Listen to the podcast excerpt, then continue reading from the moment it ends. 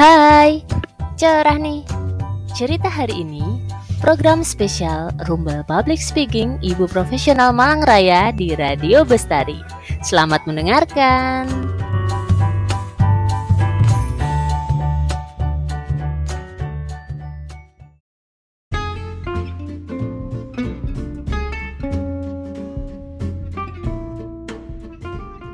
Hai, Assalamualaikum warahmatullahi wabarakatuh.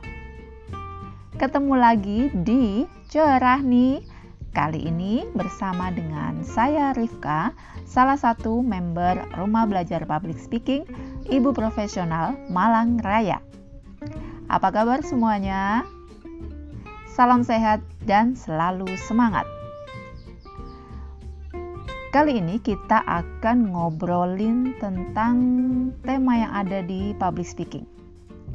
Buat teman-teman yang suka dengan kegiatan public speaking, baik yang mengambil peran sebagai MC ataukah host, atau mungkin yang sering mengisi kegiatan presentasi, pasti paham bahwa terkadang kita butuh suatu intermezzo agar suasana lebih cair dan bisa membentuk kedekatan dengan audiens. Salah satunya adalah dengan membuat pantun. P-A-N-T-U-N. Apakah ada yang belum pernah mendengar pantun? Ada bunga, ada daun. Bunga mawar, buah delima. Apa kamu tahu apa itu pantun? Yuk, kita belajar sama-sama. Dari segi definisi, menurut KBBI, pantun adalah salah satu jenis puisi lama yang populer dan banyak digunakan oleh masyarakat Indonesia. Pantun yang benar biasanya terdiri dari empat baris dengan bentuk sajak ABAB. Kaidah pantun itu ada sampiran dan isi Baris pertama dan kedua disebut sampiran, yaitu kalimat pengantar untuk persamaan bunyi sebelum masuk ke isi. Sedangkan baris ketiga dan keempat adalah isi itu sendiri. Isi adalah inti dari pikiran si pembuat pantun. Secara makna, antara sampiran dan isi tidak ada keterkaitannya. Pantun ini bisa dimasukkan di bagian pembuka ataukah penutup ataukah di keduanya. Bayangkan ya ketika teman-teman tampil sebagai public speaker, kemudian membacakan pantun dan para audiens menjawab dengan kata cakep atau mungkin cantik begitu.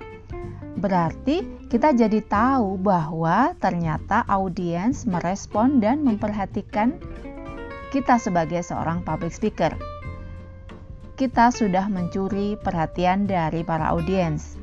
Dengan ini bisa tuh disisipkan pesan penting berkenaan dengan isi acara, baik itu dalam berupa ajakan, informasi, atau sebuah kata penyemangat sebelum mengikuti sebuah acara.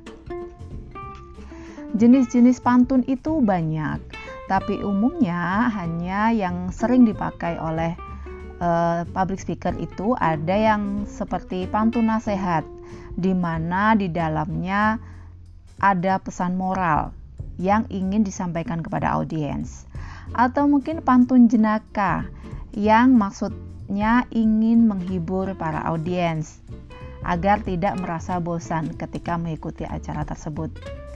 Uh, atau bisa juga dijadikan sebagai ice breaking atau mungkin masuk di games dalam bentuk uh, pantun teka-teki sehingga para audiens menjadi berpikir dan menebak-nebak apa jawabannya.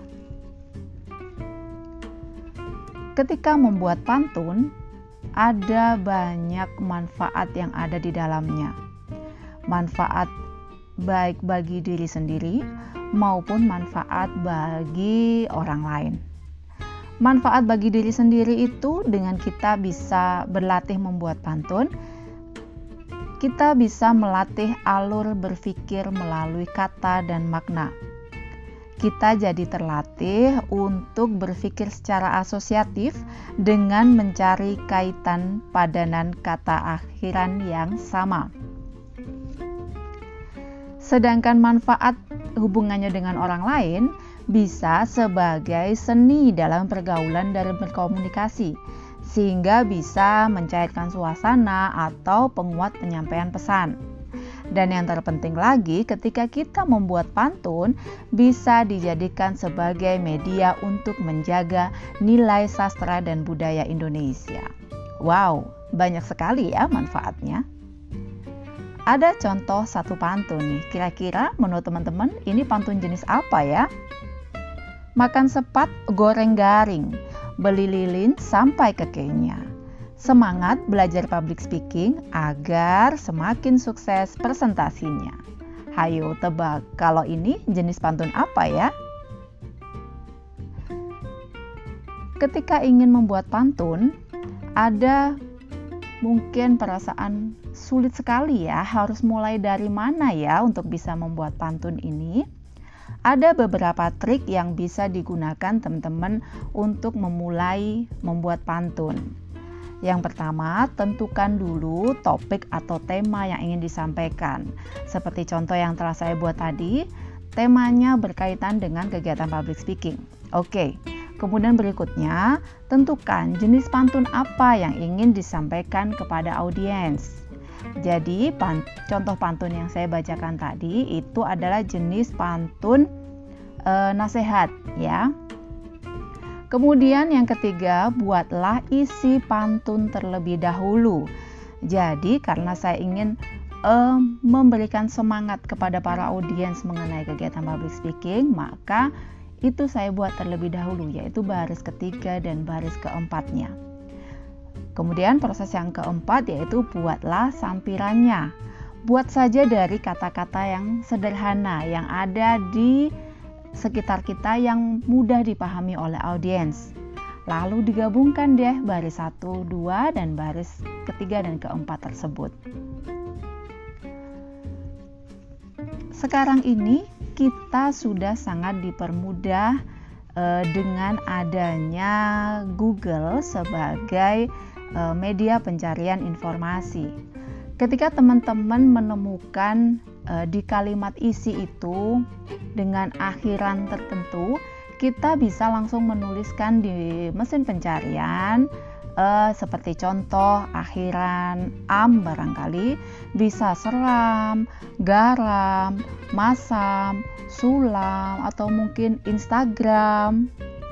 Atau coba lagi ketik dengan akhiran ku bisa buku, duku, kuku, suku, kaku, banyak sekali nanti jawabannya akan muncul di Google.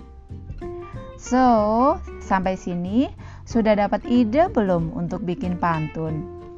Coba aja dulu, lalu banyakin latihan, dijamin jadi nagih nanti.